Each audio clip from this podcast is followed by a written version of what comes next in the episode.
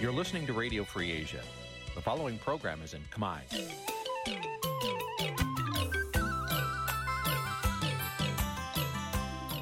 នេះជាកម្មវិធីផ្សាយ Vuthu Azizi Serai នេះជាកម្មវិធីផ្សាយរបស់ Vuthu Azizi Serai ជាភាសាខ្មែរ Vuthu Azizi Serai សូមស្វាគមន៍លោកអ្នកនាងទាំងអស់ពីរដ្ឋធានី Washington នៃសហរដ្ឋអាមេរិកចាប់ផ្សាយផ្ទាល់ពីរដ្ឋធានី Washington នាងខ្ញុំសុកជីវីសូមជម្រាបសួរលោកអ្នកនាងអ្នកស្ដាប់ Vuthu Azizi Serai ទាំងអស់ជាទីមេត្រីយើងខ្ញុំសូមជូនការផ្សាយសម្រាប់យប់ថ្ងៃច័ន្ទមួយកើតខែកដិកឆ្នាំថោះបัญចស័កពុរសករាជ2567ចាដែលត្រូវនៅថ្ងៃទី13ខែវិច្ឆិកាគ្រិស្តសករាជ2023ជាដំបូងនេះសូមអញ្ជើញលោកអ្នកនាងស្ដាប់ព័ត៌មានប្រចាំថ្ងៃដែលមានមេត្តាដូចតទៅ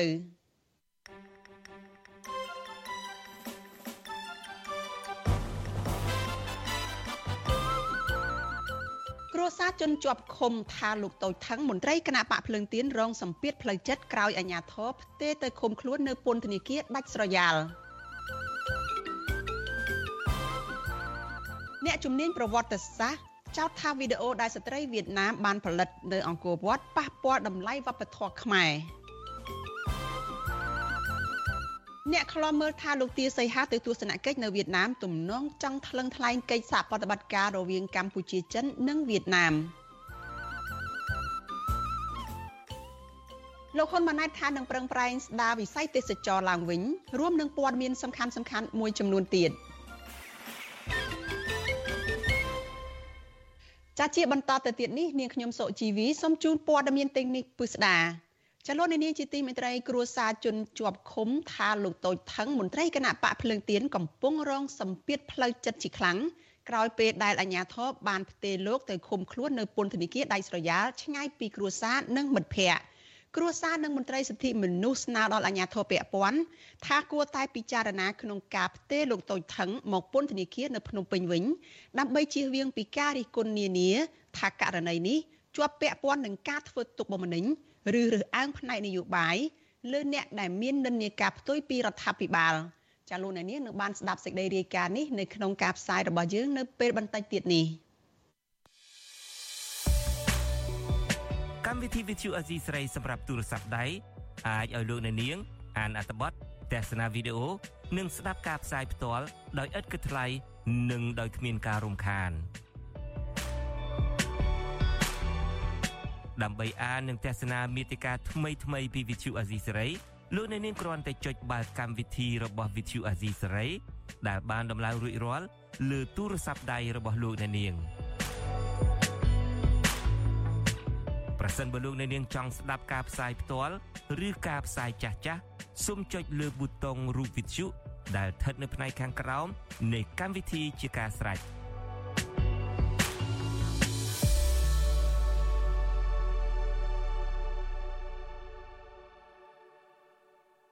ចាលោកនាងកញ្ញាប្រិយមិត្តជាទីមេត្រីចាព័ត៌មានដំបូងដែលចូលមកនៅក្នុងកម្មវិធីផ្សាយព័ត៌មានរបស់វិទ្យុអាស៊ីសេរីនេះចាគឺតកតទៅនឹងការថតវីដេអូរបស់ស្ត្រីជនជាតិវៀតណាមម្នាក់នៅអង្គរវត្ត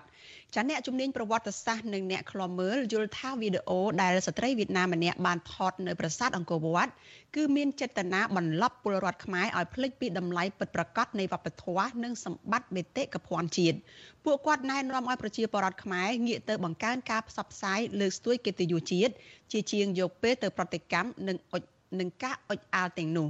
ចាលោកនៅវណ្ណរិនមានសេចក្តីរាយការណ៍អំពីរឿងនេះជូនលោកអ្នកនាងដូចតទៅ អ្នកជំនាញប្រវត្តិសាស្ត្រនិងអ្នកឃ្លាំមើលសង្កេតឃើញថាប្រជាជនកម្ពុជា កំពុងលងទៅតាមការបន្លប់របស់ជនបរទេសដែលដុតកំហឹងពួកគាត់ឲ្យលែងគិតឬចាប់អារម្មណ៍អំពីភារកិច្ចក្នុងការទ្រទ្រង់និងផ្សព្វផ្សាយវប្បធម៌ជាតិតាមរយៈវីដេអូរបស់ស្ត្រីជនជាតិវៀតណាមនៅប្រាសាទអង្គរវត្តសាស្ត្រាចារ្យប្រវត្តិសាស្ត្រលោកសម្បូរម៉ាណារ៉ាប្រាប់វិទ្យុអាស៊ីសេរីនៅថ្ងៃទី13វិច្ឆិកាថា ពលរដ្ឋខ្មែរមិនគួរឆាប់ប្រតិកម្មនឹងរឿងនេះឡើយដោយត្រូវពិចារណាស្វែងរកហេតុផល នៅពីក្រោយហើយចាត់ទុកវាជាការបំភ្លៃសភាពការតែប៉ុណ្ណោះផ្ទុយទៅវិញលោកជំរុញឲ្យពលរដ្ឋខ្មែរត្រូវយល់ដឹង និងប្រកាន់ភារកិច្ចចម្បងរបស់ខ្លួនក្នុងនាមជាអ្នកការពារនិងលើកស្ទួយវប្បធម៌ជាតិដោយងាកមកបង្កើនការផ្សព្វផ្សាយអរិយធម៌វប្បធម៌និងកេរ្តិ៍ឈ្មោះកម្ពុជាឲ្យល្បីសុសសាយលើឆាកអន្តរជាតិ ជាជាងយកពេលមកកើតទុកបុកម្នេញតាមការបញ្ឆេះកំហឹងរបស់ជនបរទេសនោះទៅយើងទៅចាញ់ច្រាបអាទីម្នាក់ពីរនាក់បើធ្វើអញ្ចឹងសូមនាំគ្នាឈប់រសើបរឿងហ្នឹងទៅហើយនាំគ្នាឲ្យតម្លៃទៅលើអ្វីជាកិត្តិយសរបស់ជាតិតាមរយៈការធ្វើរបស់យើងម្នាក់ម្នាក់សូមឲ្យតម្លៃទៅលើការអភិវឌ្ឍជាតិការទ្រទ្រង់វប្បធម៌ជាតិតាមតម្លៃដែលយើងអាចធ្វើបានសម្រាប់ម្នាក់ម្នាក់ដើម្បីជាតិទៅផងការលើកឡើងនេះបន្ទាប់ពីការបង្ហោះវីដេអូមួយនៅលើបណ្ដាញសង្គម TikTok និង Facebook ដោយបង្ហាញស្ត្រីជនជាតិវៀតណាមក្រងឈុតប្រពៃណីថៃអមជាមួយរូបភាពចម្រៀងទង់នឹងប្រជាយលៈព្រះមហាក្សត្រថៃ នៅបរិវេណប្រាសាទអង្គរវត្តនិងមានការចែករំលែកតតគ្នាយ៉ាងច្រើនករណីនេះបណ្ដាលឲ្យប្រជាពលរដ្ឋខ្មែរមួយចំនួននឹងពេញចិត្តបញ្ចេញមតិរិះគន់ថាជាអរិយាប័ត្រឆ្គាំឆ្គងនៅក្នុងតំបន់ប្រាសាទដែលជាទីសក្ការៈរបស់បុព្វបុរសខ្មែរ បន្ទាប់ពីមានប្រតិកម្មរបស់អ្នកប្រើប្រាស់បណ្ដាញសង្គមកម្ពុជាអាជ្ញាធរអប្សរាកាលពីថ្ងៃទី13ខែវិច្ឆិកាបានចេញលិខិតសុំទោសដោយបញ្ជាក់ថាគឺជាកំហុសដែលកើតឡើងពីចន្លោះខ្វះខាតដោយយថាហេតុនិងចាត់ទុកវីដេអូរបស់ស្ត្រីជនជាតិវៀតណាមនោះថាមានលក្ខណៈញុះញង់ក្នុងសង្គមខ្មែរជាមួយគ្នានោះដែរអាជ្ញាធរអប្សរាក៏បានចាត់វិធានការទប់ស្កាត់ការចែកចាយវីដេអូនោះដោយស្នើឲ្យក្រុមហ៊ុនបណ្ដាញសង្គម TikTok លុបចោលវីដេអូនោះឲ្យលែងផ្សព្វផ្សាយបន្តមុខទល់ពេលនេះគណនីរបស់ TikTok ជនជាតិវៀតណាមឈ្មោះហៀកុកអញត្រូវបានក្រុមហ៊ុនបិទជាស្ថាពរហើយជាមួយគ្នានេះម្ចាស់គណនីបណ្ដាញសង្គម Facebook ឈ្មោះហៀកុកអញកាលពីថ្ងៃទី13ខែវិច្ឆិកាបានបង្ហោះវីដេអូមួយសុំទោសចំពោះកាយវិការជ្រែងជើងដាក់លើថ្មប្រាសាទអង្គរវត្តនៅពេលថតរូបក៏ប៉ុន្តែម្ចាស់កណន័យមួយនេះ មិនបានបញ្ជាក់ឬទទួលស្គាល់ពីកំហុសដែលបានកាត់តវីដេអូដែលមានដាក់បញ្ចូលព្រះឆាយាល័ក្ខណ៍របស់ព្រះមហាក្សត្រថៃនោះឡើយវិទ្យុអាស៊ីសេរីមិនអាចតាក់ទងណែនាំពាក្យអាជ្ញាធរអប្សរាលោកលងកុសល និងណែនាំពាក្យក្រសួងវប្បធម៌និងវិចិត្រសិល្បៈលោកសុំម៉ាប់ដើម្បីសុំការអធិប្បាយជុំវិញបញ្ហានេះបាននៅឡើយទេ នៅថ្ងៃទី13ខែវិច្ឆិកាដោយទូរស័ព្ទហៅចូលប៉ុន្តែត្រូវចុចបិទ។ អ្នកស្រាវជ្រាវកិច្ចការអភិវឌ្ឍសង្គមលោកបណ្ឌិតសេងសេរីមានប្រសាសន៍ថាប្រតិកម្មរបស់ប្រជាជនខ្មែរលើករណីស្ត្រីជនជាតិវៀតណាមស្លៀកឈុតប្រពៃណីថៃគឺជាផ្នែកមួយនៃចំនួនប្រវត្តិសាស្ត្ររវាងខ្មែរនិងវៀតណាមដោយប្រជាជនខ្មែរមួយចំនួននៅតែមានផ្នត់គំនិតអវិជ្ជមានទៅលើដានប្រវត្តិសាស្ត្រដែលប្រទេសកម្ពុជាធ្លាប់បាត់បង់ទឹកដី និងស្ថិតនៅក្រោមអាណានិគមនិយមរបស់វៀតណាម។ ជារួមគឺជាបញ្ហាតូចមួយក៏ប៉ុន្តែវាឆ្នៃជាផ្នែកមួយនៃបញ្ហាប្រវត្តិសាស្ត្រនិយាយឲ្យយុទ្ធធរទៅភ្ញៀវទេសចរដល់មកលេងនៅអង្គរនេះយើងអត់មានគោលការណ៍ដែលថាត្រូវហាមភ្ញៀវមិនឲ្យស្លៀកពាក់បែបនេះហាមភ្ញៀវមិនឲ្យស្លៀកពាក់បែបនោះទេក៏ប៉ុន្តែទោះបីយ៉ាងណាក៏ដោយរដ្ឋាភិបាលក៏គួរតែយកចិត្តទុកដាក់ដែរចំពោះបញ្ហាទាំងអស់នេះធ្វើម៉េចឲ្យពលរដ្ឋនឹងមានទំនុកចិត្តលើរដ្ឋាភិបាលជាពិសេសគឺការដោះស្រាយបញ្ហាដែលមានជាប្រវត្តិសាស្ត្ររវាងកម្ពុជានិងវៀតណាមហ្នឹង អ្នកជំនាញប្រវត្តិសាស្ត្រនិងអ្នកឃ្លាំមើលលើកឡើងថាការបើកចំហឲ្យប្រជាជនចូលរួមលើដំកើងវប្បធម៌ជាតិតាមរយៈការថតរូបឬវីដេអូស្រស់ស្អាតយកទៅបង្ហោះនៅលើបណ្ដាញសង្គមគឺជារឿងចាំបាច់ដែលអាជ្ញាធរគូគិតគូគណៈប្រជាពលរដ្ឋខ្លួនឯងត្រូវមានការយល់ដឹងពីការផ្សព្វផ្សាយប្រកបដោយភាពត្រឹមត្រូវតាមប្រវត្តិសាស្ត្រនិងមិនត្រូវបញ្ចេញប្រតិកម្មឬកំហឹងតាមការដុតបញ្ឆេះនៅលើប្រព័ន្ធបណ្ដាញសង្គមនោះឡើយ។ ខ្ញុំបាទនៅវណ្ណរិន With Chu Azizi Saray ពីរដ្ឋធានី Washington ចាលោកនាងកញ្ញាប្រិយមិត្តជាទីមេត្រីចាស្របពេលដែលមានភាពចម្រូងចម្រាសមានប្រតិកម្មចុះឡើងពីមហាជនចានៅលើបណ្ដាញសង្គមតាកតងនឹងស្ត្រីជនជាតិវៀតណាមម្នាក់ដែលមកថតរូបនៅប្រាសាទអង្គរចាដែលជាតំបន់ទេសចរដ៏ល្បីរបស់កម្ពុជានេះ ចានាយករដ្ឋមន្ត្រីលោកហ៊ុនម៉ាណែតឯនេះវិញចាលោកថ្លែងថារដ្ឋាភិបាលនឹងខិតខំស្ដារវិស័យទេសចរឡើងវិញដើម្បីស្រូបយកភ្ញៀវទេសចរបរទេសឲ្យបានកាន់តែច្រើន មកទស្សនានៅកម្ពុជាជាពិសេសនៅខេត្តសៀមរាបនេះតែម្ដង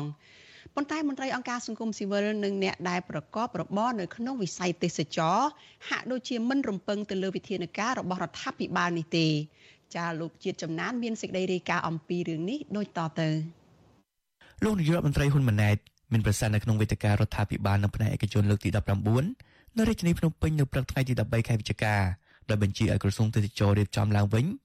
ដោយដាក់ឲ្យដំណើរការក្រុមប្រឹក្សាទេសចរដែលមានការចូលរួមពីស្ថាប័នរដ្ឋនិងឯកជនពាក់ព័ន្ធឲ្យបានឆាប់បំផុតការដាក់ចេញផែនការនិងយុទ្ធសាស្ត្រនៃការអភិវឌ្ឍវិស័យទេសចរ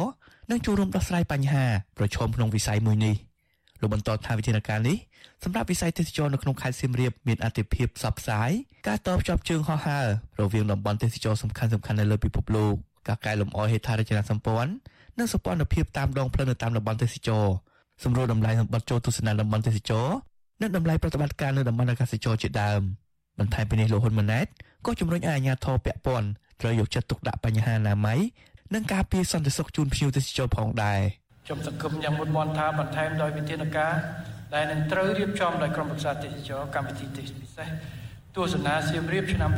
2024នឹងទទួលបានជោគជ័យតាមការរំពឹងចង់បានហើយខេត្តសៀមរាបរបស់យើងនឹងក្លាយទៅជាគោលដៅទេសចរប្រកបដោយភាពរស់រវើកនិងអាចចូលរួមចំណែកដល់កំណើនសេដ្ឋកិច្ចប្រកបដោយចីរភាពទោះជាយ៉ាងណាប្រធានសហព័ន្ធសហជីពវិស័យទេសចរនិងសេវាកម្មកម្ពុជាលោកមុំរដ្ឋី យល់ឃើញថាវិធានការរបស់លោកហ៊ុនម៉ាណែតនេះនឹងមិនទទួលបានជោគជ័យនោះទេប្រសិនបើរដ្ឋាភិបាលនៅតែមិនដោះស្រាយបញ្ហាអាញាធរពាក់ព័ន្ធក្នុងវិស័យទេសចរប្រព្រឹត្តអំពើពុករលួយទៅលើអ្នកទេសចរនិងបដូរមន្ត្រីមួយចំនួន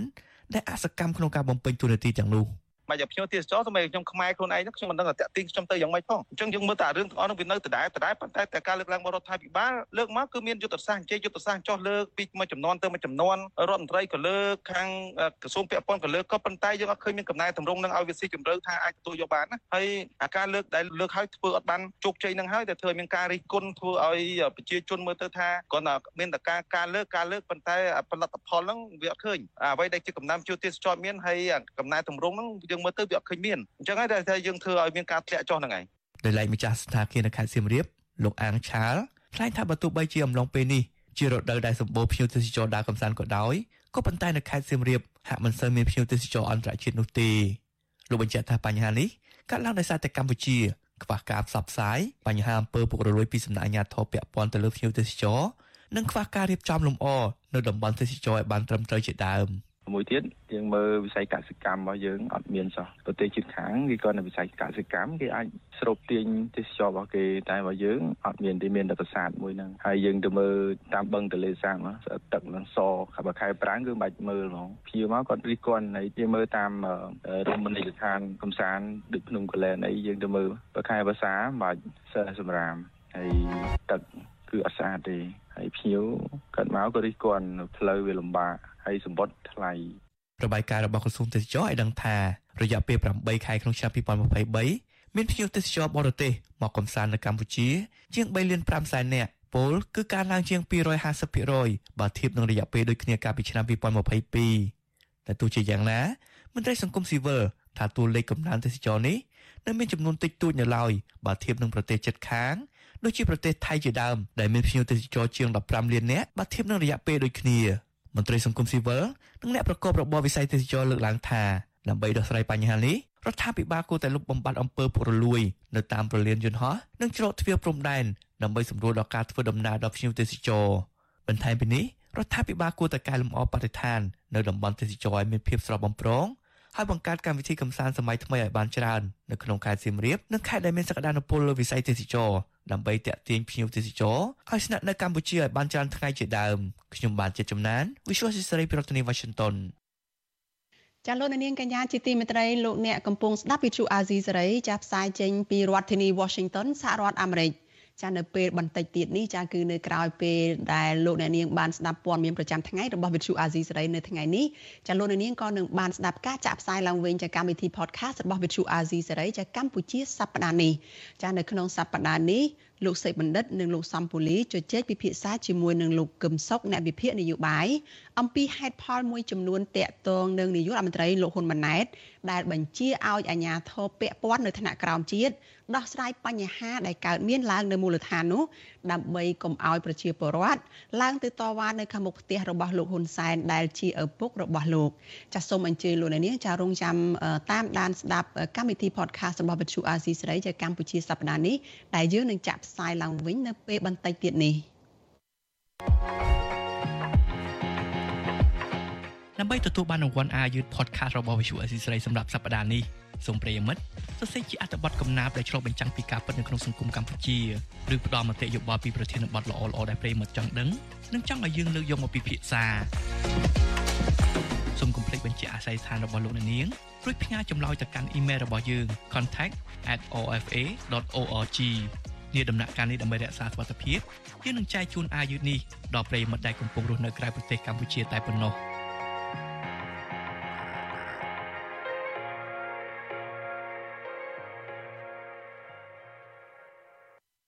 ចាលោកនាងកញ្ញាជាទីមេត្រីកម្មវិធី podcast របស់ Vithu Azizi សេរីចាកម្ពុជាសប្តាហ៍នេះចាតកតងនឹងប្រធានបទដែលយើងនឹងចាក់ផ្សាយនៅយប់មិញនៅយប់នេះចាគឺបានចាក់ផ្សាយរួចហើយនៅលើបណ្ដាញ podcast មួយចំនួន ចាដូចជា Apple Podcast Apple Podcast Google Podcast និង Spotify ជាដើមចាប្រសិនបើលោកអ្នកនាងចាចង់ចូលទៅស្ដាប់ចាសូមអញ្ជើញលោកអ្នកនាងចាវាយពាក្យថាកម្ពុជាសប្តាហ៍នេះនៅលើបណ្ដាញទាំងនោះទៅចាលោកអ្នកនាងនឹងអាចចូលទៅស្ដាប់បានហើយហើយអឺបើទោះជាយ៉ាងណាក៏យើងនឹងចាក់ផ្សាយកម្មវិធីនេះឡើងវិញចានៅពេលបន្តិចទៀតនេះចាសូមអញ្ជើញលោកអ្នកនាងចារងចាំតាមដានស្ដាប់នៅក្នុងពេលបន្តិចទៀតនេះកុំបីខានចាលោកនាងកញ្ញាជាទីមេត្រីយើងងាកទៅព័ត៌មានមួយទៀត ចាតកតងទៅនឹងកសិករដែលជាអ្នកដាំដំឡូងមីវិញម្ដងប្រជាកសិករអ្នកដាំដំឡូងមីស្នើទៅរដ្ឋាភិបាលឲ្យរក្សាតម្លៃដំឡូងមីនៅក្នុង1គីឡូក្រាមតម្លៃ500រៀលដោយពេលបច្ចុប្បន្ននិងស្នើឲ្យជួយបញ្ចុះថ្លៃដើមនៃការផលិតចាចំពោះអ្នកជំនាញកសិកម្មយល់ឃើញថារដ្ឋាភិបាលត្រូវរៀបចំឲ្យមានរោងចក្រកែច្នៃដំឡូងមីនៅក្នុងប្រទេស។ ប្រជាកសិករនៅតាមបណ្ដាខេត្តមួយចំនួនស្នើឲ្យរដ្ឋាភិបាលរក្សាតម្លៃដំឡូងឲ្យនៅថេរដដែលដែលបច្ចុប្បន្ននេះតម្លៃដំឡូងមីនៅក្នុង1គីឡូក្រាមគឺ500រៀលពួកគេថាតម្លៃនេះអាចធ្វើឲ្យប្រជាកសិករអាចរកប្រាក់ចំណេញបានតិចតួចមែនសម្រាប់គុតផ្គងជីវភាពហើយការលើកឡើងនេះក៏ដោយសារតែពេលកន្លងទៅក្រមឈ្មួញតែងតែបញ្ចុះតម្លៃនេះទៀបមកវិញ នៅពេលដែលកសិករនៅពេលដែលកសិករបានប្រមូលផលបានច្រើន។ ប្រជាកសិកររស់នៅខេត្តត្បូងឃ្មុំលោកផុនសុផល បានរៀបរាប់ប្រាប់វិទ្យុអាស៊ីសេរីនៅថ្ងៃទី13ខែវិច្ឆិកាថាបច្ចុប្បន្នតម្លៃដំឡូងមីនៅក្នុង1គីឡូក្រាមលក់បាន500រៀលដោយលោកចាត់ទុកថាតម្លៃនេះធ្វើឲ្យកសិករអាចទទួលបានប្រាក់ចំណេញខ្លះលោកព្រួយបារម្ភថាខ្លាចតែមានឈ្មួញកណ្ដាលចូលមកទម្លាក់តម្លៃឲ្យនៅទាបជាងនេះពីព្រោះឆ្នាំមុនមុនកន្លងទៅឈ្មួញតែងតែធ្វើបែបនេះ។ ហើយចុះជីជីឆ្នាំទៅមាញ់បើគេដកឆ្នាំហ្នឹងព្រោះឆ្នាំទៅយើងជីឡើង20ម៉ឺនហើយក្បាលក្របីហ្នឹងបាទហើយឆ្នាំឡើង10ម៉ឺនជាងអត្រាព្យូធ្លាប់តែ7 8ម៉ឺនវាឡើង15 10ម៉ឺន40ជាងវាមានតាមអាផាល3ផាលអីគេហ្នឹងតែបើយើងអត់ធ្វើចឹងគឺអត់កើតឥឡូវនេះធ្វើវាអត់កើតហ្មងហើយវៀតណាមវាទិញអត់ដូចមុនទេមុនវាទិញថ្លៃឡុងយកហ្មងដូចថាគីឡូទៅលក់ខ្លាំងគីឡូ1គីឡូបានទិញហ្មងឥឡូវគេ DC ចកសិករម្នាក់ទៀតនៅឯខេត្តព្រះវិហារឯណោះលោកប៊ូលីនឲ្យដឹងដែរថាតម្លៃដំឡូងមីនៅក្នុងតំបន់របស់លោកនេះគឺ1គីឡូក្រាមចន្លោះពី300ទៅ500រៀលដែលអាស្រ័យទៅលើប្រភេទដំឡូងដែរចកសិកររូបនេះបន្ថែមថាអ្វីត្បិតតែតម្លៃបច្ចុប្បន្ននេះមានភាពសមរម្យក៏ពិតមែនប៉ុន្តែលោកមិនទាន់មានភាពកក់ក្ដៅនិងជឿជាក់នោះទេពីព្រោះកន្លងទៅក្រុមឈ្មួញកណ្ដាលតែងតែក្រឡុកតម្លៃទីផ្សារ តាមតែអំពើចិត្តនឹកឃើញរបស់ពួកគេបាទបើជំនាញចិញ្ចឹមគុត10ឆ្នាំទៅដាំដែរតែអត់ខ្ញុំបានយករបស់ទៅបានតិចទេខ្ញុំបានតែច្រើនខ្ញុំធ្វើទៅអញ្ចឹងបាទខ្ញុំបានធ្វើរាងច្រើនដែរបានដាំវិញខ្ញុំបាទបាទនៅអញ្ចឹងចង់អុយទៅជាដូចជាកសិករគ្រប់គ្នាគឺចង់បានតម្លៃមួយដែលថេកុំអុយមានការធ្លាក់ចុះដល់វាទទួលយកបានហ្នឹងបើតាមកសិករគ្រប់គ្នាគឺចង់បានតម្លៃថេអញ្ចឹងរូបមួយមានធ្លាក់មិនមានការធ្លាក់ថ្លៃណាដើម្បីសេដ្ឋកិច្ចយើងនឹងសេដ្ឋកិច្ចនៅយើងនៅនៅវៀតណាមអញ្ចឹងយើងបាក់ដែរទិញថ្លៃតែមិនទិញថ្លៃ ចកសិករអះអាងទៀតថាការដាំដំឡូងមីនេះកសិករត្រូវចំណាយរយៈពេលប្រមាណ3ខែទើបអាចប្រមូលផលបានប្រសិនបើតម្លៃថិតថេរដូចពេលបច្ចុប្បន្ននេះនៅក្នុង1ហិកតាពួកគេអាចលក់បានតម្លៃប្រមាណ4លានរៀលដែលកសិករអាចរកប្រាក់ចំណេញបានខ្លះចាប់ ពីចន្លោះ1លាន5 1លាន50ម៉ឺនរៀលទៅ2លានរៀលបន្ទាប់ពីពួកគាត់ទូទាត់ចំណាយរួចរាល់វិទ្យុអាស៊ីសេរីមិនអាចតកតងแนะនាំពាក្យក្រសួងកសិកម្មរុក្ខាប្រមាញ់និងនេសាទកញ្ញាអឹមរចនាដើម្បីសូមអធិប្បាយបានទេនៅថ្ងៃទី13ខែវិច្ឆិកាដោយទូរស័ព្ទចូលជាច្រើនដងតែគ្មានអ្នកទទួល ចំណែករដ្ឋាភិបាលអាណត្តិទី7ដែលដឹកនាំដោយលោកហ៊ុនម៉ាណែតក៏បានប្រកាសពីផែនការពង្រឹងវិស័យកសិកម្មនិងធ្វើឲ្យកសិករមានជីវភាពធូរធារដោយប្រើប្រាស់គោលនយោបាយយុទ្ធសាស្ត្របញ្ចកោណនិងកំណត់ចំណុចអតិភិបដាក់មន្ត្រីកសិកម្មនៅតាមឃុំសង្កាត់នៅទូទាំងប្រទេសដើម្បីជួយទៅដល់កសិករជុំវិញរឿងនេះប្រធានសមាគមសហព័ន្ធសហគមន៍កសិករកម្ពុជាលោកថេងសាវឿនមានប្រសាសន៍ថាដើម្បីឲ្យប្រជាកសិករមានជីវភាពល្អប្រសើរ រដ្ឋត្រូវរក្សាតម្លៃដំឡូងមីនេះឲ្យបានសមរម្យនិងមានរោងចក្រកែច្នៃនៅក្នុងប្រទេសឲ្យបានច្រើនមួយវិញទៀតការអន្តរាគមទៅលើដាក់កញ្ចប់ថវិកាសម្រាប់កម្ចីដល់ក្រុមហ៊ុនឬក៏សហគ្រាសឬក៏ឈ្មួញក្នុងការប្រមូលទិញវិស័យកសិកម្មហ្នឹងក៏ជារឿងចាំបាច់ដែរហើយមួយវិញទៀតលើកទឹកចិត្តឲ្យមានការកែច្នៃនិងធ្វើការផលិតនាំចេញឲ្យវិនិយោគឲ្យបានច្រើនទៅក្នុងស្រុក ជាជាងការពឹងផ្អែកអឺតម្លៃទីផ្សារនេះទៅលើប្រទេសជិតខាងដូចជាប្រទេសថៃឬក៏ប្រទេសវៀតណាមបាទតាមរបាយការណ៍របស់ក្រសួងកសិកម្មឲ្យដឹងថាកម្ពុជាបាននាំចេញផលិតផលដំឡូងមីប្រមាណជិត1.2លានតោនទៅកាន់ប្រទេសវៀតណាមនិងប្រទេសថៃ នៅក្នុងរយៈពេល5ខែ គឺចាប់ពីខែមករាដល់ខែឧសភា ហើយនៅក្នុងឆ្នាំ2023នេះគឺប្រទេសវៀតណាមបាននាំចេញទៅជិត35ម៉ឺនតោននិងប្រទេសថៃជិត83ម៉ឺនតោនតាមទិន្នន័យរបស់ក្រសួងនេះក៏បញ្ជាក់ដែរថា នៅក្នុងត្រីមាសទី1នៃឆ្នាំ2023ការនាំចេញដំឡូងមីនិងម្សៅមីទៅក្រៅប្រទេសនៅក្នុងទឹកប្រាក់សរុបជិត300លានដុល្លារដែលកើនឡើង ប្រមាណ80ប្រមាណ28.5%បើធៀបទៅនឹងត្រីមាសទី1នៅក្នុងឆ្នាំ2022ដែលមានទឹកប្រាក់ជាង200លានដុល្លារ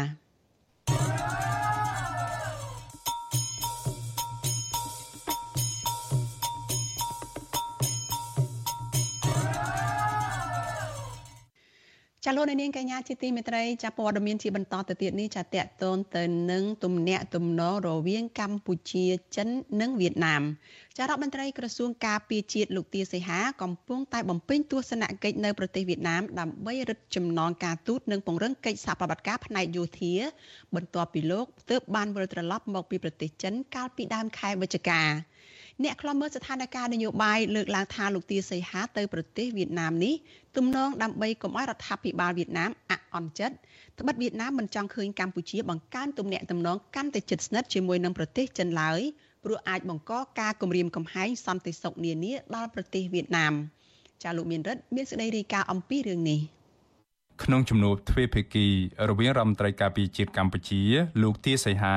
និងរដ្ឋមន្ត្រីការពារជាតិវៀតណាមលោកផាន់វ៉ាន់យ៉ាងនៅទីក្រុងហាណូយនៅថ្ងៃទី13ខែវិច្ឆិកាភាគីទាំងពីរបានឯកភាពគ្នាពង្រឹងកិច្ចសហប្រតិបត្តិការវិស័យការពារជាតិរវាងប្រទេសទាំងពីរឲ្យកាន់តែខ្លាំងក្លាបន្ថែមទៀត ទីភ្នាក់ងារសារព័ត៌មានរដ្ឋវៀតណាម VNA រាយការណ៍ជាភាសាអង់គ្លេសនៅថ្ងៃទី13ខែវិច្ឆិកាថាលោកទាសីហាបាននិយាយថាដំណើរទស្សនកិច្ចនេះមានគោលដៅបង្កើនទំនាក់ទំនងវិស័យយោធារវាងប្រទេសទាំងពីរឲ្យកាន់តែខ្លាំងក្លាបន្ថែមទៀតលោកក៏បានឆ្លៀតឱកាសនោះអរគុណក្រសួងការពារជាតិវៀតណាមដែលបានជួយអភិវឌ្ឍវិស័យយោធានៅកម្ពុជា ទីភ្នាក់ងារសារព័ត៌មានរដ្ឋវៀតណាមដដែលរាយការណ៍ឲ្យដឹងដែរថាភាគីទាំងពីរនឹងផ្ដោតលើការផ្លាស់ប្តូរទស្សនកិច្ចរបស់មន្ត្រីគ្រប់ជាន់ថ្នាក់ការបណ្ដុះបណ្ដាលបុគ្គលិកការបង្កើនទំនាក់ទំនងដើម្បីអប់រំមន្ត្រីយោធានិងកងទ័ពរវាងប្រទេសទាំងពីរ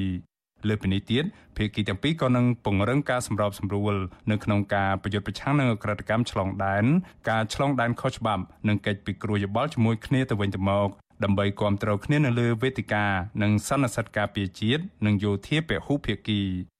នេះគឺជាដំណើរទស្សនកិច្ចផ្លូវការជាលើកទី1របស់លោកទាសីហាទៅកាន់ប្រទេសវៀតណាមចាប់តាំងពីលោកឡើងកាន់តំណែងជារដ្ឋមន្ត្រីការពារជាតិកម្ពុជា និងជាឧបនាយករដ្ឋមន្ត្រី បន្តពីឪពុករបស់លោកគឺលោកទាបាញ់តាមរយៈផែនការផ្ទេរអំណាចជាកញ្ចប់របស់លោកហ៊ុនសែន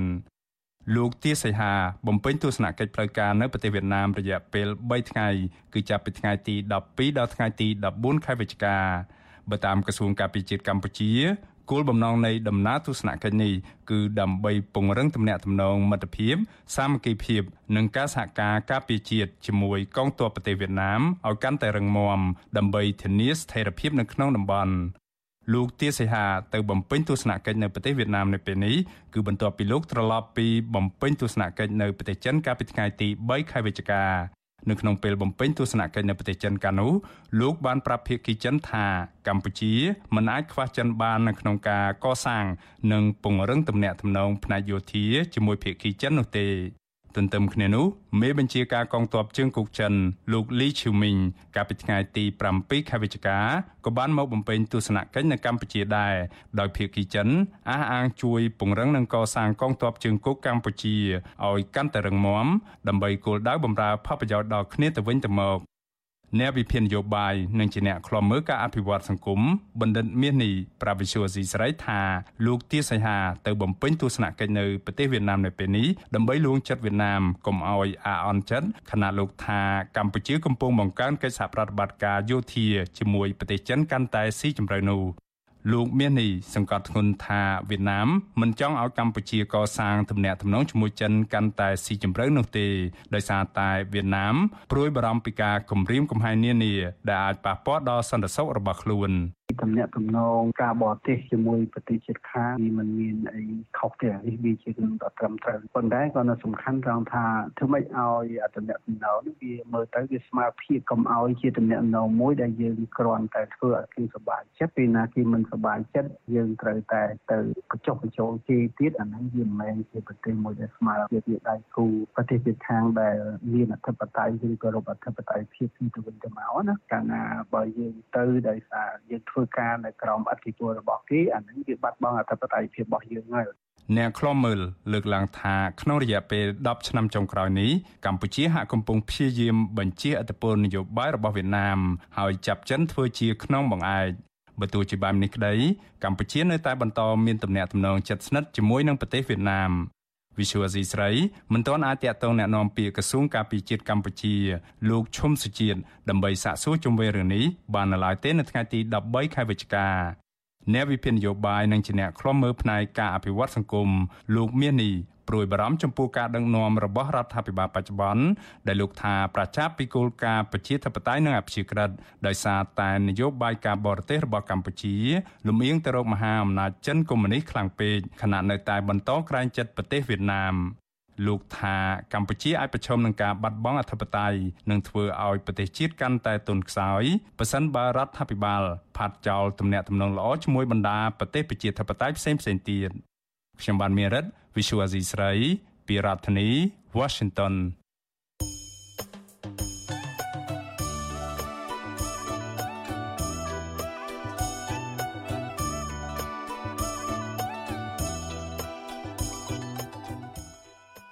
ាលោកនាងកញ្ញាជាទីមេត្រីដំណើរគ្នានឹងស្ដាប់ការផ្សាយរបស់ Vithu Azizi សេរីជាតាមរយៈបណ្ដាញសង្គមមួយចំនួនរួមមាន YouTube Facebook និង Telegram នេះ ចាលោកនាងក៏អាចស្ដាប់ការផ្សាយរបស់ Vithu Azizi សេរីជាតាមរយៈ Vithu រលកធាតុអាកាសខ្លីចា Post SW តាមកម្រិតនិងកម្ពស់ដូចតទៅនេះ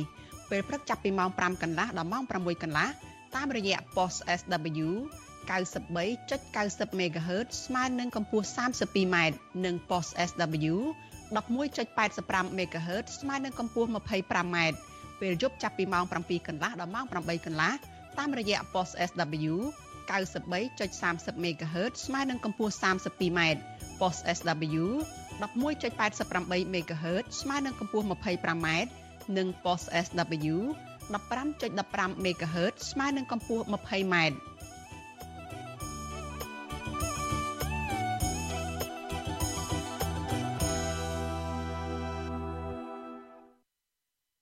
ចាលោកអ្នកនាងជាទីមេត្រីចាយើងចូលមកដល់ព័ត៌មានតកតងនឹងសកម្មជនគណៈបកភ្លើងទៀនលោកតូចថងចាគ្រួសាររបស់លោកតូចថងថាលោកតូចថងដែលកំពុងតែជាប់ឃុំនៅឯពន្ធនាគារដាច់ស្រយាលនេះកំពុងរងសម្ពាធផ្លូវចិត្តជាខ្លាំងចានៅក្រៅពេលដែលអាជ្ញាធរបានផ្ទេរគាត់ទៅកាន់ទីនោះដែលទីនោះគឺនៅឆ្ងាយពីគ្រួសារនិងមិត្តភ័ក្តិគ្រួសារនិងមន្ត្រីសិទ្ធិមនុស្សស្នើដល់អាជ្ញាធរពាក់ព័ន្ធ ថាគួរតែពិចារណាក្នុងការផ្ទេរលោកតូចថងឲ្យមកពន្ធនាគារនៅភ្នំពេញវិញដើម្បីជៀសវាងពីការរិះគន់នានា ថាករណីនេះជាប់ពាក់ព័ន្ធនឹងការធ្វើទុកបុកម្នេញឬក៏ការរើសអើងផ្នែកនយោបាយទៅលើអ្នកដែលមាននិន្នាការផ្ទុយពីរដ្ឋាភិបាលចាលោកច័ន្ទដារ៉ូមានសេចក្តីរាយការណ៍អំពីរឿងនេះជូនលោកអ្នកនាង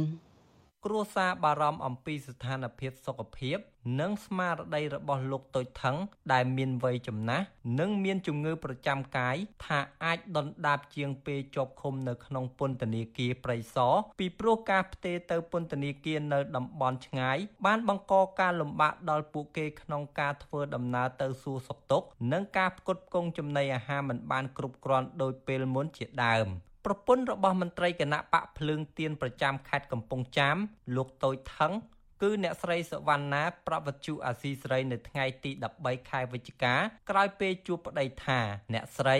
បានចំណាយពេល2ថ្ងៃធ្វើដំណើរពីភ្នំពេញ និងចំណាយសហុយជាច្រើនដើម្បីមកសួរសុខទុក្ខផ្ញើថ្នាំពេទ្យម្ហូបអាហារនិងសម្ភារៈមួយចំនួនទៀតជូនប្តីនៅពន្ធនាគារ ជាប់ជើងភ្នំក្រវាញប៉ុន្តែអ្នកស្រីឲ្យដឹងថាអ្វីដែលគ្រួសារអ្នកស្រីខ្លោចចិត្តនោះគឺលោកតូចថងក្នុងសម្លៀកបំពាក់អ្នកទោសរងសម្ពាធផ្លូវចិត្តរហូតដល់យំនៅមុខអ្នកស្រី បានរៀបរាប់អំពីទុកលំបាកជាពិសេសគាត់ខកចិត្តចំពោះអាញាធរបញ្ជូនទៅឃុំឃាំងនៅពន្ធនាគារក្នុងតំបន់ព្រៃភ្នំឆ្ងាយពីប្រពន្ធកូនដែលឃើញគាត់ស្រក់ទឹកភ្នែកព្រោះគាត់ថាគាត់នឹងរឿងមកណា ដល់ពេលយកគាត់ទៅយើងយកមិនស្មានហើយខ្ញុំសួរគាត់ថាហ្មងនឹងដឹងអត់គាត់ថាអត់ដឹងខ្លួនទេនិយាយខ្លីទៅខ្ញុំដឹងថាគាត់នឹងខូចផ្លូវចិត្តហើយព្រោះឃើញគាត់យំហ្នឹងដឹងថាគាត់ខូចហើយមនុស្សគាត់មិនងាយយំផ្ដាំងទេគាត់ខូចចិត្តហើយគាត់ខូចចិត្តយកគាត់ទៅឆ្ងាយហើយឲ្យកូនគាត់វឌ្ឍនាដោយសារគាត់ទៅជាមួយគាត់ទៅរកឪពេលខ្ញុំក៏ទៅក៏ពិបាកទៅគាត់ក៏នៅនោះក៏វាពិបាកដូចថា ជូនគាត់ទៅនៅតែឯងបើមានពីរនាក់អីក៏វាធូរបន្តិចទៅអត់ស្គាល់គេហ្មងមួយក្មេងក្មេងគាត់ខ្លាចផ្លូវចិត្តគាត់ផងគាត់គេពិបាករឿងក្មេងក្មេងចុកកូរ៉េចុកអីចឹងណាអ្នកស្រីសវណ្ណាស្នើដល់អគ្គនាយកដ្ឋានពន្ធនាគារអនុញ្ញាតឲ្យប្តីអ្នកស្រីចេញទៅពិនិត្យព្យាបាលជំងឺភ្នែកតាមការកំណត់របស់គ្រូពេទ្យជំនាញនៅមន្ទីរពេទ្យខាងក្រៅនៅថ្ងៃទី20ខែវិច្ឆិកាខាងមុខនេះរួមទាំងផ្ទេរគាត់មកពន្ធនាគារព្រៃសរវិញផងដែរវិទ្យុអាស៊ីសេរីមិនអាចតាក់ទងแนะនាំពាក្យអគ្គនាយកដ្ឋានពន្ធនាគារនៃក្រសួងមហាផ្ទៃ លោកនុតសាវណ្ណាដើម្បីឆ្លើយតបជំវិញរឿងនេះបានទេនៅថ្ងៃទី13ខែវិច្ឆិកានេះម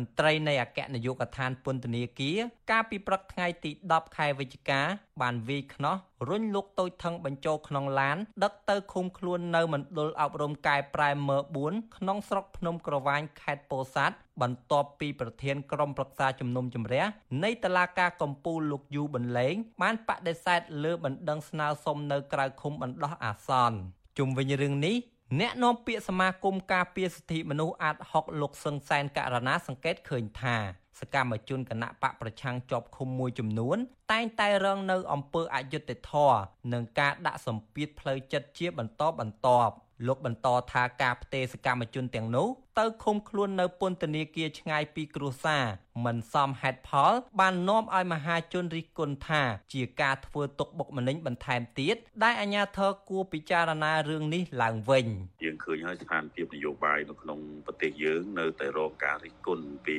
សហគមន៍អន្តរជាតិនៅតែទទូចស្នើឲ្យមានការបើកនៅលំហនៃសិទ្ធិនយោបាយនេះទាំងសកម្មជននយោបាយក្តីទាំងគណៈបកប្រកួតប្រជែងផ្នែកនយោបាយក្តីហ្នឹងយើងគួរតែបើកឱកាសឲ្យពួកគេបានមានការអនុវត្តនូវសិទ្ធិសេរីភាពហើយប្រកួតប្រជែងហ្នឹងដោយភាពសេរីត្រឹមត្រូវដោយស្មារតីអីជាដើមដោយគុំពំរងនៅសម្ពាធនានាជាដើមណាបាទលោកតូចថងអាយុ75ឆ្នាំមានដើមកំណត់ខ្មែរក្រោមនិងជាអតីតសមាជិកក្រុមការងារគណៈបកសង្គ្រោះជាតិប្រចាំខេត្តកំពង់ចាមកាលពីឆ្នាំ2017បច្ចុប្បន្ន លោកជាប្រធានគណៈកម្មាធិការប្រតិបត្តិគណៈបកភ្លើងទៀនប្រចាំខេត្តកំពង់ចាមដដែលអាជ្ញាធរក្រុងភ្នំពេញបានចាប់ខ្លួនលោករួមជាមួយមន្ត្រីគណៈបកភ្លើងទៀនពីររូបផ្សេងទៀត គឺលោកខឿនវិរៈនិងអ្នកស្រីនូសធារីកាលពីថ្ងៃទី24ខែមិនិនាក្រោយតឡាការក្រុងភ្នំពេញកាត់ទោសពួកគេឲ្យជាប់ពន្ធនាគារ2ឆ្នាំពីបទក្លែងបន្លំឯកសារក្នុងការបង្កើតគណៈបកបេដងជាតិកាលពីឆ្នាំ2021ការចាប់ខ្លួននេះគឺ6ម៉ោងមុនពេលតឡាការក្រុងភ្នំពេញកាត់ទោសលោកសៀងភ្លុកឲ្យជាប់ពន្ធនាគារ2ឆ្នាំ6ខែក្នុងបទចោទដូចគ្នាខ្ញុំច័ន្ទដារោវុទ្ធុអាស៊ីសេរី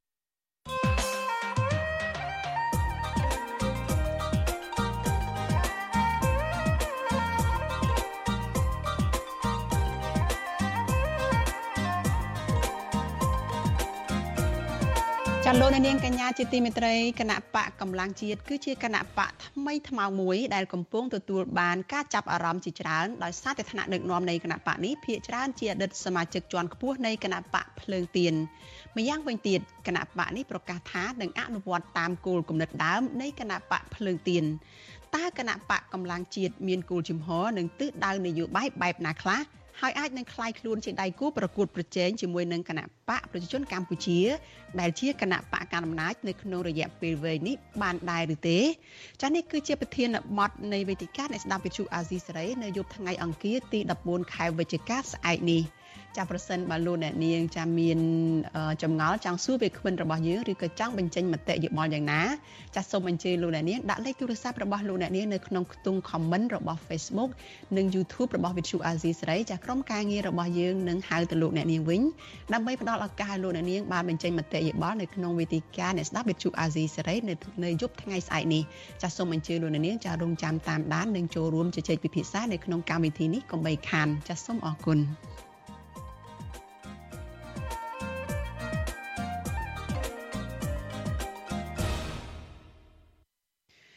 ចាលោកនាងកញ្ញាប្រិយមិត្តជាទីមេត្រីចាជាបន្តទៅទៀតនេះគឺជាការចាក់ផ្សាយឡើងវិញកម្មវិធីកម្ពុជាសប្តាហ៍នេះចាគឺកម្មវិធី podcast របស់ Vithu Azizi សេរីចាប្រធានបទនៅក្នុងយប់នេះគឺតកតងទៅនឹងថាតើមានមូលហេតុអ្វីខ្លះដែលលោកហ៊ុនម៉ាណែតមិនចង់ឲ្យពលរដ្ឋឡើងមកតវ៉ានៅខាងមុខផ្ទះរបស់លោកហ៊ុនសែនដែលជាឪពុករបស់លោកចាលោកសេបណ្ឌិតជាមួយនឹងលោកសំពូលីចារួមនឹងលោកកឹមសុខដែលជាអ្នកវិភាគនយោបាយ ចានឹងជជែកអំពីហេតុផលមួយចំនួនតាក់ទងនឹងអ្នកនាយករដ្ឋមន្ត្រីគឺលោកហ៊ុនម៉ាណែតដែលបញ្ជាទៅឲ្យអាជ្ញាធរថ្នាក់ក្រោមជាតិចាត់ដោះស្រាយបញ្ហាដែលកើតឡើងនៅមូលដ្ឋានមួយចំនួនដើម្បីកុំឲ្យពលរដ្ឋឡើងទៅតវ៉ានៅផ្ទះរបស់លោកហ៊ុនសែនបានចាសសូមអញ្ជើញលោកនាងចាសតាមដានការចាក់ផ្សាយឡើងវិញកម្មវិធី podcast របស់វិទ្យុអាស៊ីសេរីចាកម្ពុជាសប្តាហ៍នេះដូចតទៅ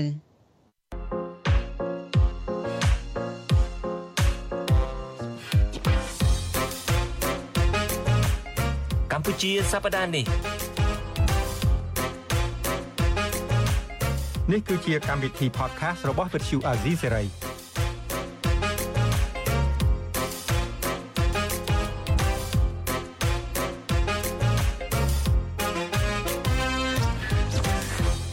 បាទខ្ញុំបាទសេងបណ្ឌិតសូមជម្រាបសួរអស់លោកនាងកញ្ញាជាថ្មីបន្តទៀតហើយបាទនៅក្នុងកម្មវិធី podcast របស់អាស៊ីសេរីកម្ពុជាសប្តាហ៍នេះ បាទសំពូលីសូមជម្រាបសួរបណ្ឌិតស្ដាប់ហើយនឹងជម្រាបសួរបងអូនសេចបណ្ឌិតបាទខ្ញុំជម្រាបសួរបាទមិនជម្រាបសួរលោកនេះប៉ុន្តែមិនបានជម្រាបសួរបងហ្នឹងអ្នកខ្លះអត់មានវប្បធម៌សិលធម៌ក្នុងខ្លួនអញ្ចឹងតែជួនកាលប្រញាប់ទៅរយៈស្ដាប់ភ្លេចនៅខ្សែខ្លួនគួរសមចំពោះអ្នកដទៃភ្លេចគ្នាយើងភ្លេចគ្នាឯងបាទប្រហែលជាដូចនាយករដ្ឋមន្ត្រីចាស់ដែរគាត់ថាទៅបរទេសគាត់អែបអបគេគាត់យកចិត្តគេទៅអោនលំទូននេះទៅ ពីព្រោះគ្នាឯងប្រជាពលរដ្ឋគ្នាឯងជេរមរាយហើយរហូតជេរហើយមើលពីហ្នឹងព្រោះចាប់ដាក់គុកទេហេងងាយហើយសប្តាហ៍នេះដែរដូចជាផ្លែកម្ដងសប្តាហ៍មុនមុនខ្ញុំជួបដៃគូជាមួយលោកយ៉ងច័ន្ទរាហើយលោកអ្នកស្ដាប់នីតិ podcast អាស៊ីសេរីនឹងកម្មវិធីសប្តាហ៍នេះចេះតែទទឹងរង់ចាំថាអេចុះលោកសងប៉ូលីនិងជនចិត្តបុតការត្រឡប់មកវិញដូចជានឹកដែរបានឃើញពីរនាក់ នឹងហើយមិនគ្រប់ទេចង់បានឃើញពីរនាក់ទៀតពីរនាក់ទៀតបាទពីរនាក់ទៀតចង់ប៉ូលីសនឹងជួយចិត្តមុតទៀតណាអញ្ចឹងមានគេនឹកខ្ញុំដែរអូនឹកខ្លាំងណាស់នឹកដើម្បីឲ្យមកធ្វើ podcast ហ្នឹងបាទដើម្បីឲ្យបងអូនសេចបណ្ឌិតរួចខ្លួនបាទអឺរួចខ្លួនគាត់ថាចង់ជួបចរចាស្គាល់សម្ដីផងតែឥឡូវមិនអីទេជួបយ៉ាងចន្ទរានិងសេចបណ្ឌិតដោះសំសិនចុះឥឡូវថ្ងៃនេះខ្ញុំក៏មានកិត្តិយសដែរបានជួបបងពលីផ្ទាល់ហើយនៅនឹងមានភៀវម្នាក់ទៀតម្នាក់ទៀតចូលបងពលីគិតថាពីណាគេមើល មើលឃើញនៅមុខ TV នេះអំបាច់ទីទេអូនកឹមសុខមកពីហ្វាំងឡង់មកពីហ្វាំងឡង់បាទជំរាបសួរបងអូនកឹមសុខបាទជំរាបសួរកឹមសុខបាទបាទជំរាបសួរលោកពូលីនិងជំរាបសួរលោកសេចបណ្ឌិតបាទលោកអ្នកស្ដាប់នឹងទស្សនានីតិខុសខែកំពុងរងចាំថាតើនៅសប្តាហ៍នេះដែលមានបងពលីចូលរួមនិងគឹមសុខចូលរួមនឹងជជែកអំពីបញ្ហាអីអឺចំពោះខ្ញុំបងអូនសេចបណ្ឌិតខ្ញុំថាពីខែច័ន្ទកន្លងមកនេះ បាទអឺលោកនាយករដ្ឋមន្ត្រីហ៊ុនម៉ាណែតនឹងគាត់បាននិយាយនៅក្នុងទីក្រុងភ្នំពេញនឹងថាឲ្យមន្ត្រីថ្នាក់ក្រោមមានការទទួលខុសត្រូវខ្ពស់ជួយដោះស្រាយបញ្ហាប្រជាពលរដ្ឋឲ្យបានច្រើនដើម្បីកុំឲ្យប្រជាពលរដ្ឋហ្នឹងនាំគ្នាឡើងមកតវ៉ានៅក្នុងទីក្រុងភ្នំពេញជាពិសេសនៅមុខអឺផ្ទះរបស់ឃុំគ្រឹះឃុំគ្រឹះបាទរៀននិយាយឲ្យត្រឹមត្រូវ ផ្ទះផ្ទះទូចពេកទូចពេកឃុំគ្រឹះធំគ្រឹះបាទអញ្ចឹងឃុំគ្រឹះរបស់គាត់ហ្នឹងនៅក្នុងទីក្រុងភ្នំពេញចំពោះខ្ញុំខ្ញុំចាប់អារម្មណ៍ចេះអឺការបង្គាប់បញ្ជាឲ្យមន្ត្រីមូលដ្ឋាននឹងដោះស្រាយបញ្ហាជូនប្រជាពលរដ្ឋដើម្បីកុំឲ្យប្រជាពលរដ្ឋនឹងឡើងមកតវ៉ានៅក្នុងភូមិគ្រឹះនៅមុខភូមិគ្រឹះរបស់សម្ដេចនាយកឪនឹងហើយសម្ដេចនាយកកូននឹងផង ខ្ញុំថាមូលហេតុអីមកដល់ពេលនេះបានត្រូវមានការបង្គាប់បញ្ជាបែបហ្នឹងបាទតែជាគាត់ទំនឹកឃើញអញ្ចេះបងពលីព្រោះមកតវ៉ាមិនមែនមកតវ៉ាមានត្រឹមស្ដារទៀមទាដោះស្រាយបញ្ហាមានចំនួននៅតាមមូលដ្ឋានបញ្ហាដីធ្លីប៉ុណ្ណឹងទេគឺថាកាន់រូបថតគាត់ផងការរូបថតពីមុនយើងឃើញតែការរូបថតម្ដាយគាត់និងឪពុកគាត់ទេបាទបាទគឺលោកនាយករដ្ឋមន្ត្រីហ៊ុនម៉ាណែត តែឥឡូវនេះមានការរូបថតគាត់ថែមមួយទៀតដើម្បីទាមទាររកដំណោះស្រាយដោយថាគាត់នឹងខោខាងអឺតាបប្រជាជនឬមួយក៏ឈោខាងគ្រប់គ្រងសម្ដេចនាយកដឹកនាំគណៈប្រជាជនហើយហេតុអីបានចេះទៅធ្វើបាបទៅមុខមិញរបស់គាត់ហើយមិនដោះស្រាយជូនពួកគាត់ទៀតគាត់ទៀតហ្នឹងបាទអញ្ចឹងយើងចង់ងាកទៅសួរបងអូនគឹមសុខវិញដោយសារគាត់ជាអ្នកជំនាញផ្នែកនយោបាយហ្នឹងតើលោកនាយករដ្ឋមន្ត្រីហ៊ុនម៉ាណែត គប់បញ្ជាក្រមមន្ត្រីមូលដ្ឋានឲ្យធ្វើបែបហ្នឹងតើមានបំណងយ៉ាងម៉េចឬក៏វិធីយ៉ាងណាដែរអឺទើបពេលនេះជ្រើសរើសរកវិធីហ្នឹងបាទមើលទៅបំណងក៏មានប៉ុន្តែភាពច្របូកច្របល់ក៏មានច្របូកច្របល់នៅត្រង់ថាប្រជាពលរដ្ឋកាន់តែច្រើនទៅនាំគ្នាទៅតវ៉ានៅខាងមុខផ្ទះឪពុករបស់គាត់ដាក់រូបឪពុកគាត់ដាក់រូបម្ដាយគាត់ដាក់រូបគាត់ ដោយប្រជាពលរដ្ឋយល់ឃើញថាទំនងជាគាត់ទៅតែឡើងថ្មីហ្នឹងយកចិត្តទុកដាក់ប្រជាពលរដ្ឋខ្លះខុសពីឪពុកគាត់អញ្ចឹងហើយបានជាចលនាហ្នឹងធំឡើងធំឡើង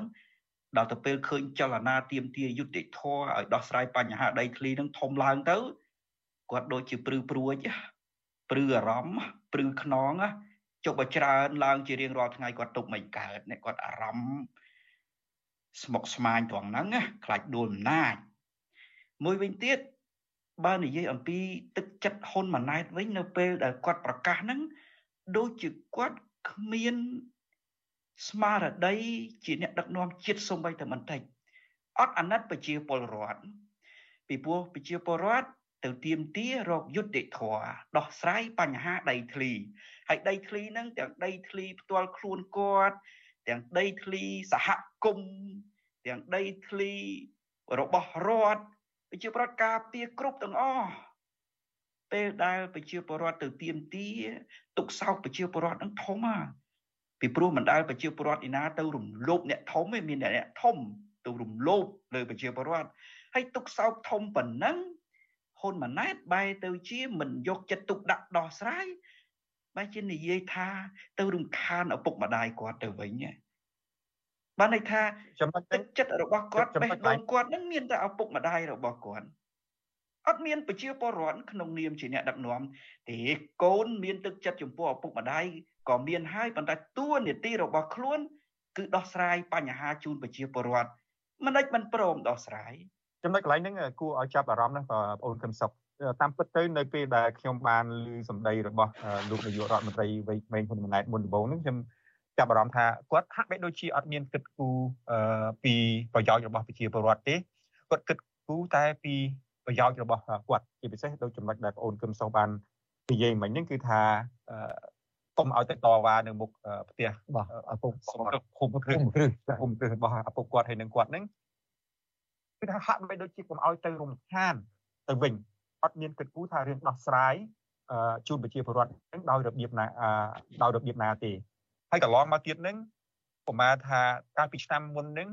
អត់មានអ្នកណាបង្គាប់បញ្ជាឲ្យមន្ត្រីថ្នាក់ក្រោមហ្នឹងដោះស្រាយបញ្ហាហ្នឹងនៅមូលដ្ឋានទេហើយពួកនឹងពួកមន្ត្រីនៅមូលដ្ឋាននឹងនៅពេលដែលអត់មានបទបញ្ជាពីនាយករដ្ឋមន្ត្រីទៅផងនឹងបានធ្វើរួចមកហើយមិនចឹងគឺថាហាមឃាត់មិនឲ្យប្រជាពលរដ្ឋនឹងនាំគ្នាឡើងមកធ្វើកិច្ចកម្មនៅភ្នំពេញ បានចាប់បានចាប់សកម្មជនបងពូលីគ្រប់វិតាធម្មជាតិហ្នឹងអានេះមិនមែនជារឿងដែលត្រូវដាក់បទបញ្ជាអីទេវាជាតួនាទីភារកិច្ចរបស់មន្ត្រីថ្នាក់ក្រោមទៅហើយអត់មានចាំបាច់ដាក់បទបញ្ជាពីខាងលើទេហើយរបៀបដាក់បទបញ្ជានេះគ្រាន់តែជាវិធីនីតិមាត់ដោយដែលលោកហ៊ុនសែនធ្លាប់ប្រើតែប៉ុណ្ណោះលោកហ៊ុនសែនមិនមែនត្រឹមតែ ប្រាប់ឲ្យថ្នាក់ក្រោមធ្វើការងារទេរហូតទៅដល់គាត់ជេរថ្នាក់ក្រោមទៀតហើយបើបកគលដីឲ្យប្រជាពលរដ្ឋវាងាប់អីគាត់និយាយអញ្ចឹងគេចាំគ្រប់គ្នាតាប៉ុន្តែនៅតែមិនប្រគល់ដីឲ្យប្រជាពលរដ្ឋនៅតែរំលោភដីរដ្ឋទាំងអត់មានការខ្មាស់អៀនដូច្នេះវាជាប្រព័ន្ធហើយហ៊ុនម៉ាណែតនិយាយនឹងខ្ញុំស្ដាប់មើលទៅអត់ដឹងខុសត្រូវទៅទៀតគាត់ថាកលែងខ្លះដោះស្រាយហើយប៉ុន្តែមិន ជូនដំណឹងដល់ប្រជាពលរដ្ឋរួចដោះស្រាយជាមួយនរណា បើប្រជាពលរដ្ឋដែលមានវិវាទរឿងអយុត្តិធម៌គេរំលោភដីគាត់គាត់អត់ដឹងផងនឹងទៅដោះស្រាយជាមួយនរណាដូច្នេះវាបញ្ជាក់ឲ្យឃើញថាអ្វីដែលហ៊ុនម៉ាណែតនិយាយអំពីការដោះស្រាយហ្នឹងគឺគុំសម្លុតគម្រាមកំហែងប្រជាពលរដ្ឋមិនឲ្យតវ៉ានឹងហ្មងគឺថាគាត់កាត់ដីឲ្យនរណា ក៏យល់ព្រមតាមគាត់ទៅក្រុមរបស់គាត់លើកដីឲ្យនរណាក៏ចេះតែយល់ស្របតាមគាត់ទៅអាហ្នឹងវិធីដោះស្រាយរបស់គាត់ដូច្នេះវាជាប្រព័ន្ធនីតិមាត់បន្តពីឪពុករបស់គាត់សុទ្ធសាធហើយដោះស្រាយអត់ចេញទេពីព្រោះហ៊ុនម៉ាណែតធ្លាប់និយាយហើយថាឪពុករបស់គាត់គឺជានិមិត្តរូបរបស់គាត់ហើយឪពុករបស់គាត់ដឹកនាំតាមបែបនីតិមាត់មិនដោះស្រាយបញ្ហាដូច្នេះគំរូរបស់ឪពុករបស់គាត់នៅតែបន្តដដែលហ្នឹងបញ្ហានឹងរីកធំឡើងអញ្ចឹងបញ្ហាជួយទឹកគេបងប្អូនសិទ្ធិមនិតបាទការធ្វើនេះគឺអឺតាមតែអំពើចិត្តតាមតែការនឹកឃើញព្រោះបើសិនជាយើងក្នុងការដឹកនាំរដ្ឋាភិបាលរដ្ឋាភិបាលបើមានប្រព័ន្ធដឹកនាំត្រឹមត្រូវស្រួលបួលនាយករដ្ឋមន្ត្រីត្រូវបង្គាប់បញ្ជាមន្ត្រីនៅមូលដ្ឋានឲ្យធ្វើការងាររបស់ខ្លួនទេគេប្រកាសជាដឹងការងាររបស់គេថាគេត្រូវធ្វើរបៀបមិនរួចមកហើយ អញ្ចឹងបាទអឺអញ្ចឹងការប្រកបបញ្ជានឹងបើតាមបងអូនគឹមសុកមានប្រសាសន៍តាមការខ្ញុំគិតនេះគឺថារញ៉េអញ្ញៃមែនតើដឹងអ្នកណាធ្វើអីដឹងអ្នកណាទទួលខុសត្រូវមន្ត្រីមូលដ្ឋាននឹងមិនដឹងទៅធ្វើម៉េចមិនដឹងធ្វើម៉េចត្រូវមិនដឹងធ្វើម៉េចខុសព្រោះអ្វីដែលគេធ្វើនឹងហាក់បីដូចជាគប់ចិត្តនាយករដ្ឋមន្ត្រីមិនធ្វើតាមជំនាញតាមវិជ្ជាជីវៈដែលខ្លួនមាននោះទេឲ្យតាមនីតិវិធី តើវិធីដោះស្រាយបញ្ហាប្រគល់ដីធ្លីឲ្យប្រជាពលរដ្ឋកន្លងមកនោះបងអូនសេចក្ដីគេបានធ្វើអីខ្លះហើយហើយនៅកន្លែងណាខ្លះអឺការដោះស្រាយជូនដល់ប្រជាពលរដ្ឋរហូតដល់ថានិយាយពីរឿងគោលការណ៍វិញហ្នឹងតែជាគោលការណ៍គេបង្កើតលហក្រមយុវជនទោះវាស់វែងដីឲ្យប្រជាពលរដ្ឋបង្កើតគណៈកម្មការដោះស្រាយវិវាទដីធ្លីក៏ប៉ុន្តែបើយើងគិតទៅមើលលទ្ធផលវិញដូចជាមិនបានជាស្រេចខាយប្រហែលទេ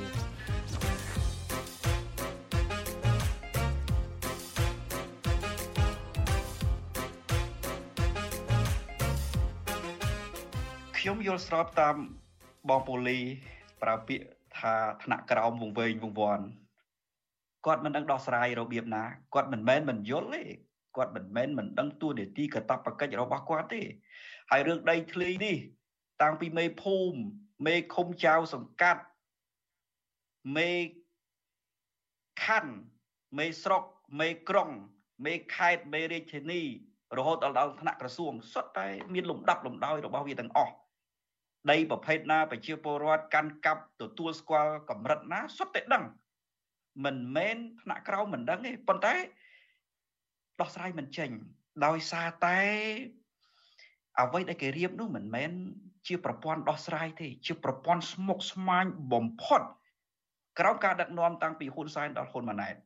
ស្មុគស្មាញមួយរឿងនឹងជារឿងចាស់យូរហើយវិបត្តិនឹងកើតរាប់ឆ្នាំហើយ តាំងពីហ៊ុនសែនមកយើងគិតមើលទំហំបញ្ហានឹងធំប៉ុណ្ណាមិនមែនតូចតាចទេណាទូទាំងព្រះរាជាណាចក្រកម្ពុជា ទី2បញ្ហាវាធំហើយ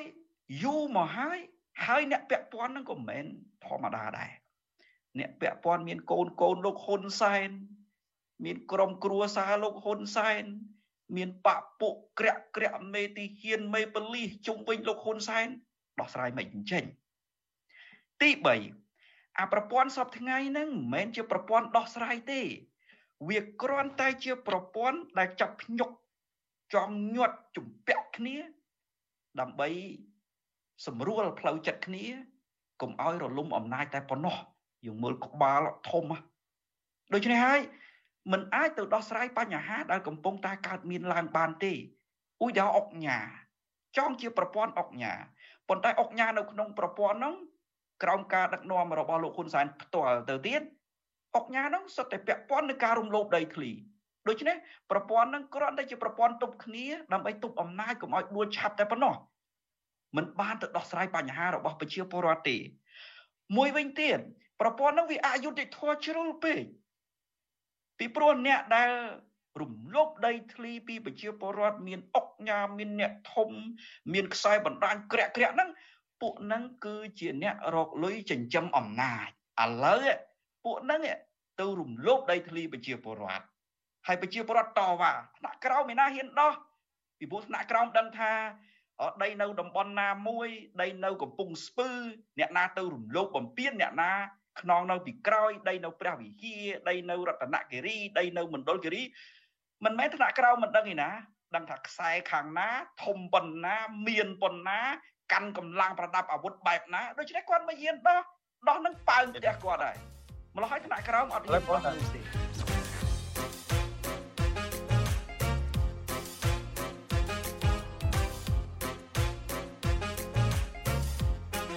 អាចចុះក្រោយតើកំទុកមានការអ្វីដើម្បីអឺជូនរដ្ឋាភិបាលឬមួយក៏តបជាប្រវត្តិអ្នកដែលមានបញ្ហាទៅលើការតវ៉ាជាមួយរដ្ឋាភិបាលថ្មីបាទ លោកហ៊ុនម៉ាណែតគាត់រស់នៅក្រោមការបង្ហាត់បង្រៀនរបស់ពួកគាត់គាត់គួរតែយល់ពួកគុំនី គេថាការជិះជាន់នៅទីណា ការងើបតវ៉ាមាននៅទីនោះហើយហើយនិយាយឲ្យច្បាស់ជាងនឹងទៅទៀតអ្នកដែលជិះជាន់មិនមែនអ្នកតូចទៅជិះជាន់អ្នកធំទេមិនមែនប្រជាពលរដ្ឋ ទៅជិះជាន់ហ៊ុនម៉ាណែតទៅជិះជាន់ហ៊ុនសែននោះទេគាត់ទៅមុខផ្ទះហ៊ុនម៉ាណែតមុខផ្ទះហ៊ុនសែនគឺទៅរកយុត្តិធម៌អ្នកដែលអាចជិះជាន់គឺអ្នកធំនាយករដ្ឋមន្ត្រី អ្នកមានអំណាចជិះជាន់ប្រជាពលរដ្ឋហើយកាលណាអ្នកមានអំណាចជិះជាន់ប្រជាពលរដ្ឋកាន់តែច្រើនមិនរកយុត្តិធម៌ជូនប្រជាពលរដ្ឋពេលនោះកុំបន្ទោសប្រជាពលរដ្ឋអត់មានប្រជាពលរដ្ឋឯណា ទៅចង់តវ៉ាក្តៅក្រហាយចំពោះអ្វីដែលកំពុងតែកើតមានឡើងនោះទេអត់ចង់ទេប៉ុន្តែទ្រាំលែងបាន ពីព្រោះរស់លែងកើតយើងគិតទៅមើលស្ថានភាពសេដ្ឋកិច្ចក្នុងពេលបច្ចុប្បន្នកម្មករកម្មការនេះអត់ការងារធ្វើហើយកម្មការនីមានស្វាមីជាអ្នករត់ម៉ូតូដុតរត់ម៉ូតូដប់កង់3អីទៀតអត់ម៉ួយទៅទៀត ជំពាក់បំណុលគេ មានលុយណាសងងាកទៅឪពុកម្ដាយនៅស្រែចម្ការ អ្នកខ្លះអត់មានស្រែចម្ការអីធ្វើទេអ្នកខ្លះនៅមានប៉ុន្តែមានហើយលក់ស្រូវថោកមិនទាំងរួចដើមផលិតឬក៏ធ្វើស្រូវផងដូច្នេះតើទៅដោះស្រាយបំណុលដោយវិធីណា គឺវាន់កណាវាន់កជន់លើជន់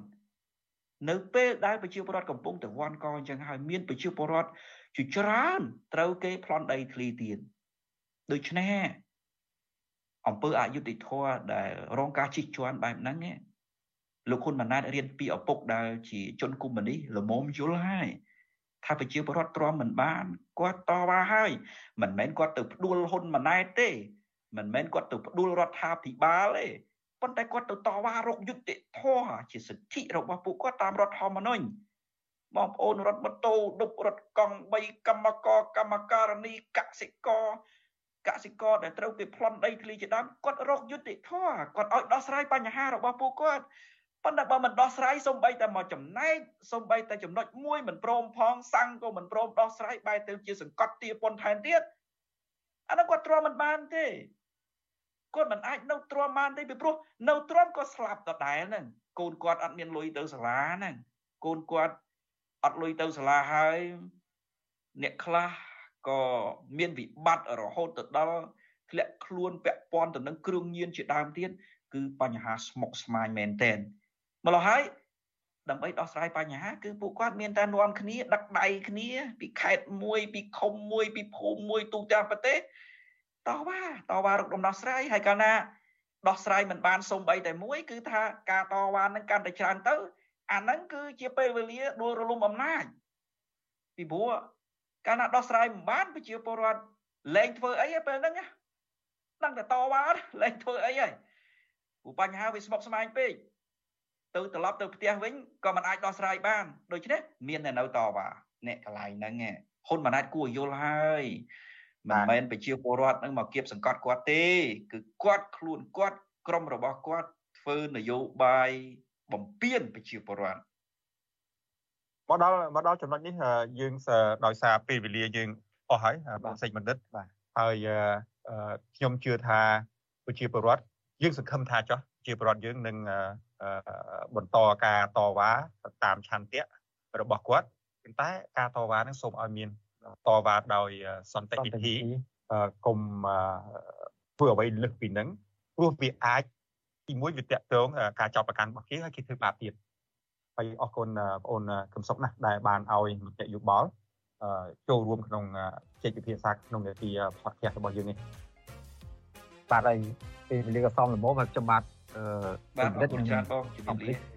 អរគុណជំរាបសិទ្ធប៉ុណ្ណេះហើយសូមជំរាបលាលោកដែលស្រាប់មួយរយៈពេលពិសេសហើយនឹងអាចជួបគ្នានៅសប្តាហ៍ក្រោយសប្តាហ៍ក្រោយទៀតចឹងអរគុណបងអូនកំសុខហើយនឹងជំរាបសួរជំរាបលាមិត្តអ្នកស្ដាប់ទាំងអស់គ្នាបាទបាទជំរាបលា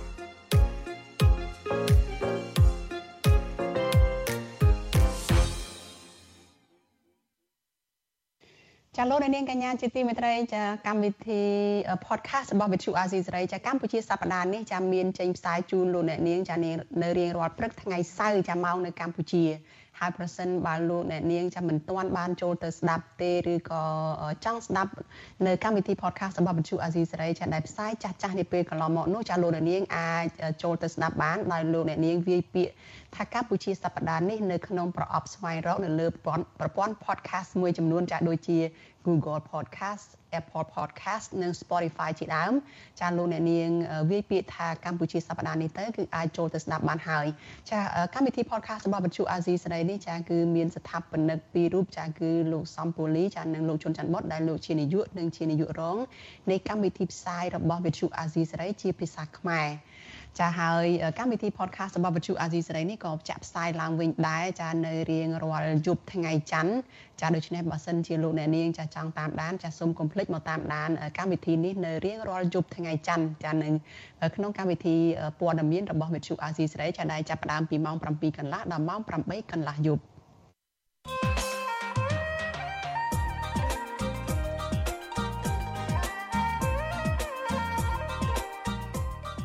ចាលោកនាងកញ្ញាជាទីមេត្រីចាគណៈបកកម្លាំងជាតិគឺជាគណៈបកថ្មីថ្មោងមួយដែលកំពុងទទួលបានការចាប់អារម្មណ៍ច្រើនដោយសារតែឋានៈដឹកនាំនៃគណៈបកនេះភាគច្រើនគឺជាអតីតសមាជិកជាន់ខ្ពស់នៃគណៈបកភ្លឹងទៀនម្យ៉ាងវិញទៀតគណៈបកនេះបានប្រកាសថានឹងអនុវត្តតាមគោលគំនិតដើមនៃគណៈបកភ្លើងទៀនតើគណៈបកកម្លាំងជាតិមានគោលជំហរនិងទិសដៅនយោបាយបែបណាខ្លះ ហើយអាចនឹងคล้ายខ្លួនទៅជាគូប្រកួតប្រជែងជាមួយនឹងគណៈបកប្រជាជនកម្ពុជា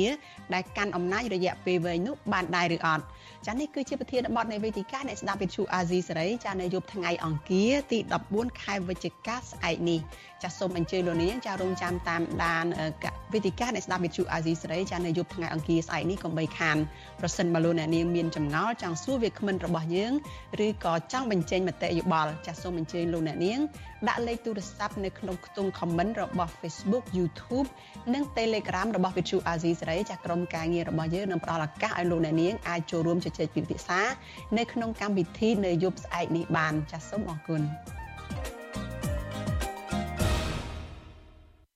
ចាលោកអ្នកនាងកញ្ញាប្រិយមិត្តជាទីមេត្រីការផ្សាយរយៈពេល1ម៉ោងរបស់វិទ្យុអាស៊ីសេរីនៅយប់នេះចាប់ត្រឹមតែប៉ុណ្ណេះចានាងខ្ញុំសុជីវីព្រមទាំងក្រុមការងារទាំងអស់នៃវិទ្យុអាស៊ីសេរីចាសូមអរគុណដល់លោកអ្នកនាងដែលតែងតែមានភក្ដីភាពចំពោះការផ្សាយរបស់យើងហើយតែងតែ